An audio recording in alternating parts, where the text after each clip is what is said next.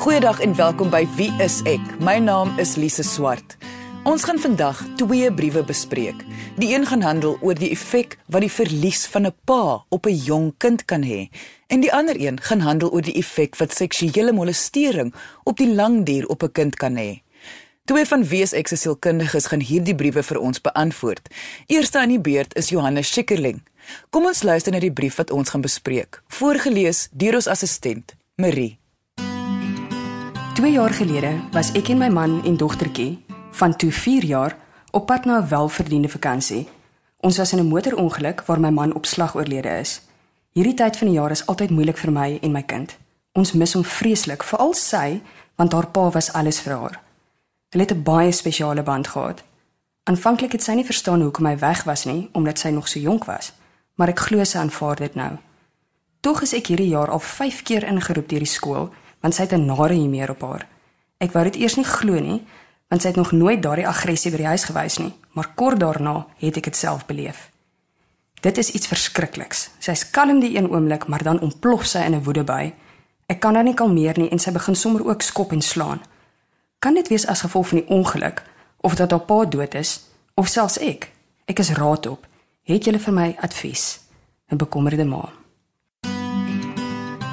Johannes, by wie is ek? Is jy meer bekend vir jou werk met verslawing, maar tog is jy ook baie betrokke by die behandeling van kinders. Juis hoekom ek hierdie brief met jou wou bespreek. Kan ons begin deur te praat oor gedragsprobleme en die moontlike oorsake daarvan? Kinders het 'n beperkte kommunikasievaardighede en dis kan hulle nie hulle emosies met woorde uitdruk soos volwassenes nie. Ons kyk dus na die gedrag van kinders om meer te verstaan oor hoe hulle voel. Dit is hoekom terapie soos spelterapie en sandplay therapy ontstaan het. Dit fokus meer op die nie-intentionele of die onbewuste handelinge van kinders as die bewuste.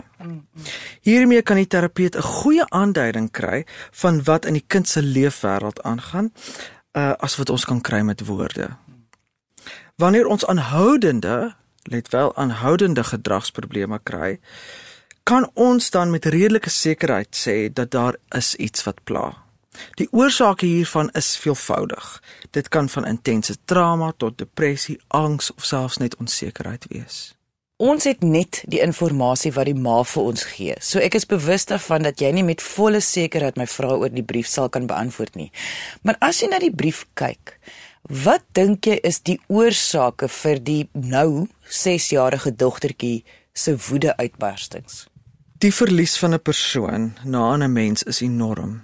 Die verlies van 'n ouer is vir 'n kind net so groot of selfs groter as gevolg van die afhanklikheid van die kind op die ouer.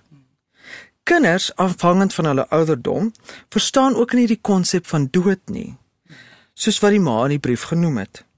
Daar is dus 'n konstante verwagting dat die ouer dalk moontlik weer sal opdaag. Die woede-uitbarstings van die 6-jarige dogter het besmoontlik te maak met die verlies van haar pa. Die rouproses vind ook by kinders plaas, net soos wat dit by volwassenes doen. En indien dit nie geadresseer word nie, kan dit omskakel in 'n diagnoseerbare probleem.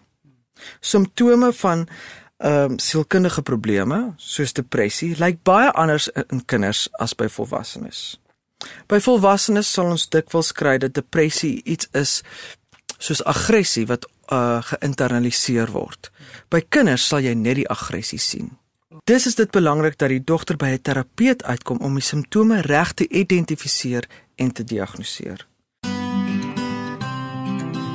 Ons neem ook die ontwikkelingsfase van die kind in ag, waarop die ouderdom van 4 familie 'n groot rol speel. Die huidige lewensfase dui weer op 'n plek in die wêreld vind. Dis nou met ander woorde as jy 6 jaar oud is, dit dui op 'n plek in die wêreld vind. Kan jy vir my so 'n bietjie meer daarvan verduidelik? Dit is wanneer die kind begin kyk na sy sosialisering en hulle begin 'n plek vir hulself kry in hoe pas ek in die wêreld en so dit gaan nie net meer oor myself soos in jonger ouderdom nie. Dit gaan nie net meer oor my familie nie maar dit gaan ook my plek in die wêreld. En dis waar dit skoolgaande ouderdom is sosialisering ensovoorts en natuurlik as jy die basis vir familie baie goed en sterk het, dan is dit makliker om jou plek in die wêreld te kry want jou familie gee jou daai fondasie. Indien daai fondasie nie ordentlik gefestig is nie, dan kan ons verwag dat die kind 'n probleem sal hê om hulle plek in die wêreld te vind. Want daar is tog so baie enkel ouers van die begin van 'n kind se lewe af waar daar nie iemand oorlede is nie. Hoe kry hulle dit dan reg om nog steeds 'n sterk familiebasis te hê of was dit juist die afsterf, die verlies wat die invloed het? Jy noem dit perfek op die naam. Dit gaan eintlik oor die verlies. So dit was iets wat daar was en nou is dit nie meer daar nie. Iemand wat byvoorbeeld in 'n enkelouer gesin groot word, is dit gewoond. Dit is hulle familie. Hulle ken dit so. Daar is geen verlies om te ly nie. Maar as daar eers twee ouers was en die verlies, iemand verdwyn wat eintlik daar moet wees, dan word dit ervaar as onsekerheid. Ek weet nie meer lekker ek inpas nie. Dit was my pa se rol, dit was my ma se rol en as een van hulle moet verdwyn, dan kan ons aanneem dat daar baie onsekerheid gaan wees in hierdie kind se ontwikkelingsfase. Jy luister na Wie is ek met Louie en Lise op RSG 100 tot 104 FM. So met met ander woorde, dit hoef nie iets so dramaties soos 'n sielkundige probleem te wees nie, want as gevolg van die fase waarin die kind nou is, kan dit miskien net wees dat sy hierdie frustrasie, dat sy eintlik nie weet hoe sy of waar sy inpas nie. So sy kan miskien net gehelp word daarmee en dan mag dit makliker gaan. Absoluut, absoluut. So dit sal net iemand wat professioneel is wat met die kind kan werk, definitief kan diagnoseer of selfs identifiseer. So met ander woorde wat jy sal voorstel is dat die ma haar kind na 'n professionele persoon sal toe moet vat om 'n korrekte diagnose te kry. Nou baie ouers is huiwerig om hul kinders sommer na 'n sielkundige toe te vat. Kan jy dalk net vir ons verduidelik wat presies die proses sal wees wat 'n sielkundige sal volg? Jy weet sodat ouers meer gerus voel voor hulle 'n afspraak maak. Die sielkundige sal eers 'n afspraak met die ouers maak of met die ouer maak om toestemming te kry om die kind te sien, maar ook om genoegsame inligting te kry om 'n duidelike beeld te kry van die ontwikkelingsfase tot en met nou. Hierna sal die sielkundige die kind assesseer om 'n akkurate diagnose te maak en dan terugvoer aan die ouers gee. Die assessering kan verskillende forme aanneem afhangend van die kind se ouderdom, vermoëns en voorkeure. Dit kan ook afhang van die sielkundige se opleiding of hulle in sandplay therapy opgelei is of hulle in spelterapie opgelei is. Dit mag ook wees dat die sielkundige 'n skoolbesoek aflê om die gedrag daar waar te neem. Onderwysers is ook 'n baie goeie bron van inligting oor die kind se gedrag. Tydens die terugvoersessie sal die sielkundige vir die ouers die verband tussen die gedrag en die emosionele wêreld verduidelik, spesifiek tot hulle kind. Die ouers kan dan ook die kind help om vaardighede aan te leer. Ouerleiding is nog steeds die effektiefste terapie vir kinders, aangesien ouers daagliks deel is van hulle kinders se lewe. Maar soos ek dit verstaan en ek al gehoor het van speelterapie en sandplay terapie, geniet kinders hierdie proses inteendeel verskriklik baie. Dit is juis die idee dat ons hulle onbewuste sien uitspeel eerder as wat ons hulle bewuste. So ons maak dit nogal sports vir hulle sodat hulle in 'n wêreld kan gaan van blote spontane spel of waar hulle spontaan iets in die sand insit. So dit moet 'n lekker atmosfeer vir hulle wees. Ons wil nie hê hulle moet bedreig voel nie, want dan gaan ons nie 'n ware beeld kry van die gedrag nie. Soos jy self weet, kan nie almal 'n sielkundige bekostig nie. So indien dit die geval nou hier met hierdie skrywer was, wat sou jou advies vir haar dan gewees het? My voorstel is om steeds na 'n sielkundige te gaan vir 'n assessering en 'n terugvoer. Die ouer kan dan met die inligting werk om haar dogter te help. Indien sy nie die fooie kan bekostig nie, is die beste om tyd saam met jou kind deur te bring. Mens verstaan dat enkel ouerskap sy eie uitdagings het, veral rakende tyd. Sit 'n spesifieke tyd vir julle uit, minstens een keer in die week en 'n hele dag in die naweek. Die kind kan die een week kies wat hy wil doen en die ouer kan die volgende week kies wat hulle wil doen. Die aktiwiteit moet interaksie bevorder. Vermy die skerms of winkelsentrums eenvoudige kostelose speletjies soos kussinggevegte, besoek aan die parkie, legkaarte bou, koekies bak ensovoorts. Die voorstel sal wees om in hierdie geval spesifiek om oor pappa te gesels. Skep 'n spesifieke gebruik vir die tyd van die jaar wat die moeilikste vir julle is. Kinders is baie intuïtief en veral hoe jonger, hoe meer intuïtief. En soos met alle wesens, vergeet ons nie sommer iets nie. As dit nie weer opgehaal word nie, dan is dit amper soos iets wat daar bly, maar ons kan dit nie lekker sien nie. En is so belangrik vir 'n mens om duidelikheid op hierdie onbekende ding te werp.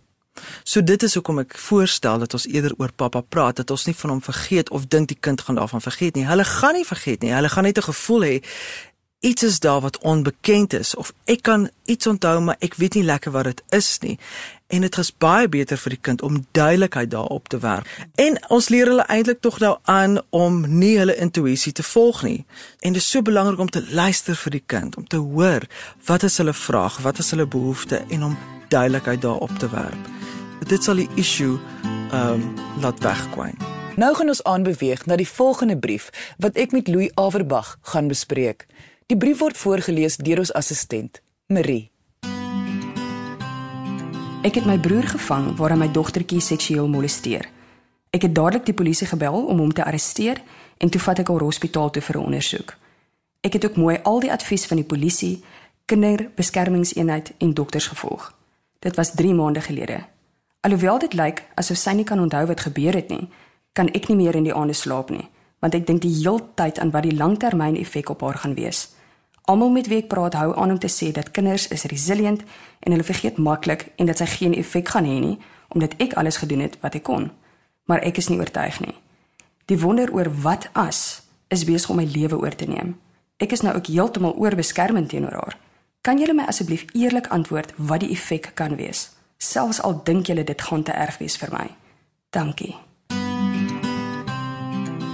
Louis, eerstens wil ek vra oor die ma se gemoed, want wanneer ek na die brief luister, is my eerste gedagtes dat sy self die trauma van die situasie ervaar. Dit klink vir my definitief so. Dis amper asof dit met haar gebeur het. Wat normaal sou wees van 'n ma van 'n klein kind en ons aanvaar hier dat die kind is minderjarig, dit lyk vir my amper selfs voor skool. So dit is 'n geweldige traumatiese situasie vir die ma dis nie verbasend nie. En mens moet nou ook onthou dit was haar eie broer gewees wat haar kind seksueel gemolesteer het. Dis al 'n dubbele slag. Dit affekteer natuurlik die verhouding tussen broer en suster. Dis 'n groter skok, dis 'n groter trauma. So ja, sy's duidelik angstig dit gaan met haar sleg. Sy vra vir 'n eerlike antwoord op die vraag: Watter effek gaan dit op die lang duur op haar kind hê? So kan jy vir haar wel die feite gee. Jy sien ek kan vir haar geen feite gee nie omdat ons nie weet nie. Almal is verskillend. Ek kan vir haar 'n paar moontlikhede gee. Dit is 'n moontlikheid dat dit geen effek op haar kan hê nie. Dit is uh, die moontlikheid dat dit 'n effek kan hê dat dit haar seksueel bewus maak op 'n ontoepaslike ouderdom en sy dus miskien seksueel ontoepaslik kan begin optree of later in haar lewe tydens adolessensie of baie skaam raak natuurlik weer aan die ander kant vir haar liggaam of alles wat met haar lyf te doen het. Sy kan dalk bang wees vir ouer mans. Met ander woorde, sy kan hierdie herinnering saamdra, dit kan 'n posttraumatiese stres vir haar as kind wees. Want onthou, posttraumatiese stres kan later jare eers uitkom. Dit hoef nie eers nou te verskyn nie of in die volgende paar jaar nie. Uh dit kan na nagmerries begin voorkom. Dit kan later effek op op hê op haar verhoudings, fisies of emosioneel later in haar lewe. Daar's baie moontlikhede. Maar dit is nie te sê dat dit hoef met haar negatief sleg te gaan nie. Wat kan sy nou doen om te verseker dat hierdie seksuele molestering nie 'n dramatiese effek wel op haar kind het nie? Wat ons sou wou aanbeveel is dat sy soos mense sal sê die situasie normaliseer dat sy vir haar kind die ruimte skep dat daar so min as moontlik ander traumas, veranderinge, uh enige ingrepe in haar lewe is. Nou, dis baie afhangende van hoe oud hierdie meisiekind is. Maar as sy dan oud genoeg is of oud genoeg word, maar gaan haar mos nou baie mooi dophou. En wat ons wil hê is maar moet vir haar baie emosionele sekuriteit gee, emosionele veiligheid gee. En haar dophou vir enige iets abnormaal vir haar ouderdomsgroep. seksueel of hoe dit ook al is of dit emosioneel is. As hy byvoorbeeld ehm um, op 7 jarige ouderdom skielik seksueel bewus is, sou dit nie so normaal wees nie. Sou sy begin nagmerries skryf in een of ander aard, sou dit nie normaal wees nie en dan sou mens dit kon terugskakel na hierdie insident. En dan sal mens moontlik wil kyk na professionele hulp. As die kind op 'n ouderdom is waar sy haarself nie nou kan uitspreek nie, as sy 2 jaar oud is byvoorbeeld, sou ek haar tog neem na 'n sielkundige wat spesialiseer met kinders van daardie ouderdom vir 'n evaluasie, net om proaktief te wees. Mens wil nie sommer net na dokters en sielkundiges hardloop nie. Maar in die geval sal mens sê wees maar eerder veilig is wat jy later spyt is. Indien jy wil hê ek en Louie moet jou brief, storie of vraag hier op Wie is ek bespreek, kan jy ons kontak deur ons webwerf wieisek.co.za of gaan na ons Facebookblad onder Wie is ek met Louie en Lise. Onthou alle briewe wat bespreek word sal anoniem bly.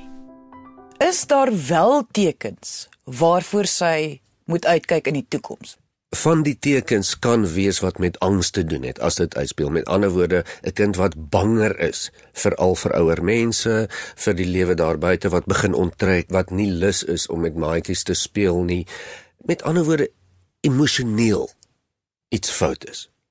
Kind is nie gelukkig nie, of sy's bang, of sy's depressiewerig. En dan kyk na 'n patroon. Een aand se nagmerrie kan met enige kind gebeur. Maar 3 keer 'n week vir elke week omtrent vir 'n maand lank, dis tog nie normaal nie. So kyk wat die groter prentjie en die groter patroon is. En soos jy vroeër gesê het, posttraumatiese stres kan jare later eers manifesteer. Wat jy nou sê is dat die dogtertjie wag dalk nie binne die volgende jaar of selfs 3 jaar enige tekens wys van dat daar 'n effek is nie. Dit mag dalk eers jare later wees waar hierdie patroonverandering plaasvind. Dit is heeltemal reg. En dis hoekom die ander merkers wat jy voorna kan kyk, is seksuele ontoepaslike gedrag. Met ander woorde, kinders wat buite hulle ontwikkelingsstadium seksueel bewus is. Kinders op 5-jarige of 6-jarige ouderdom is wat mense noem min of meer op die badkamer stadium. Hulle lag vir badkamergrappies as mense so kan noem. Hulle is nie op die ontwikkelingsstadium wat hulle van geslagtelikheid, geslagsorgane, seksualiteit bewus is nie. En as jou kind duidelik daardie bewustheid tentoonstel of of 'n kennis daarin vir ons wys wat tog nou nie toepaslik is van die kind se omstandighede nie, dan is dit 'n goeie indikasie dat sy eers bewus geraak het. Jy weet en dit hoef nie noodwendig dan 'n seksuele molestering te wees nie, maar dit kan iets wees wat sy per toeval op 'n televisie gesien het of iets wees wat sy herinner aan die seksuele molestering.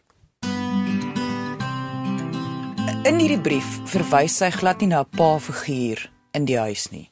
Maar ek dink tog uh, watter advies het jy vir die pa in hierdie omstandighede veral wanneer dit kom by 'n dogtertjie? Pa's is gewoonlik baie beskermend en word gewoonlik baie kwaad en mens kan dit verstaan en mense is al aangerand deur paas van kinders wat gemolesteer is en mense kan tog nie regtig sê dat mense dit nie kan verstaan nie.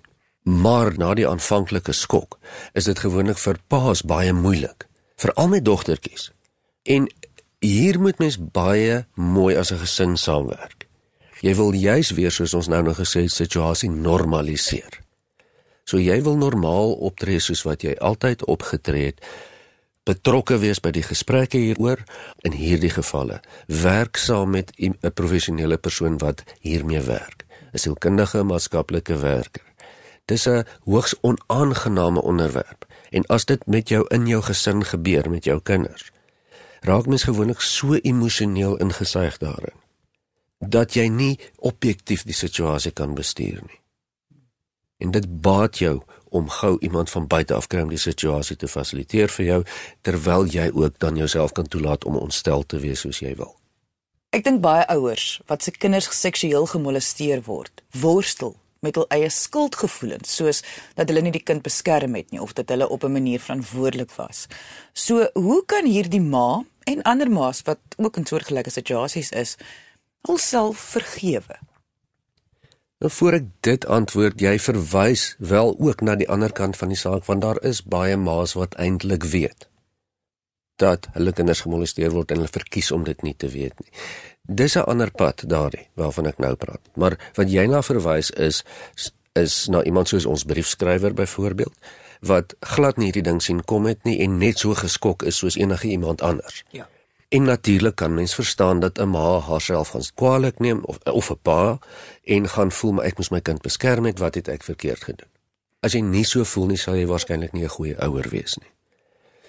Maar mens moet in gedagte hou dat hierdie voorkoms van seksuele molestering gebeur op alle lae en vlakke van die samelewing en baie keer weet die ouers regtig regtig nie hiervan nie. Want onthou dit gaan gepaard met hierdie geheimhouding meestal met klein kinders wat seksueel gemolesteer word. Dis ons geheim hulle word omgekoop, baie keer dreigemente wat daarmee gepaard gaan. As jy vir jou ouers vertel, dan gaan X en Y gebeur. So nee, jy gaan dit nie altyd sommer kan optel nie. En daarom is dit baie belangrik om naby aan jou kind te leef. Dat die nare elemente nie tussen julle kan inkom nie. En dit beteken nie noodwendig dat jy moet fisies aan jou kind vasgebind bly nie maar dat jy emosioneel naby jou kind leef en saam met haar groei soos sy ouer word. En dis waar kommunikasie dan nou weer inkom dat hoe gouer en hoe vroeër in jou kind se lewe jy 'n eerlike kongruente, 'n eerlike kommunikasie sonder oordeel en dit is baie belangrik wat ek nou sê, sonder oordeel kan eh, bevestig hoe makliker gaan dit later wees. Soos ons altyd op die program sê, dit is 'n vaardigheid, jy kan dit aanleer ouers voel van nature skuldig oor hulle iets verkeerd gedoen of iets nie reg gekry het nie of nie hulle kinders beskerm het nie maar onthou meeste van hierdie goed is kommunikasie ons moet dit maar almal leer jy is nie veronderstel om sommer dit van self wonderlik te kan regkry nie Indien jy enige vrae het oor vandag se twee briewe wat bespreek is, kan jy ons kontak deur ons webwerf. Dit is wieisek.co.za of deur ons Facebookblad onder wieiseksa. Dankie dat jy vandag ingeskakel het. Ons maak weer so volgende Vrydag 12:30 net hier op RSG. Jy moet 'n heerlike naweek hê en onthou, kyk mooi na jouself. thank you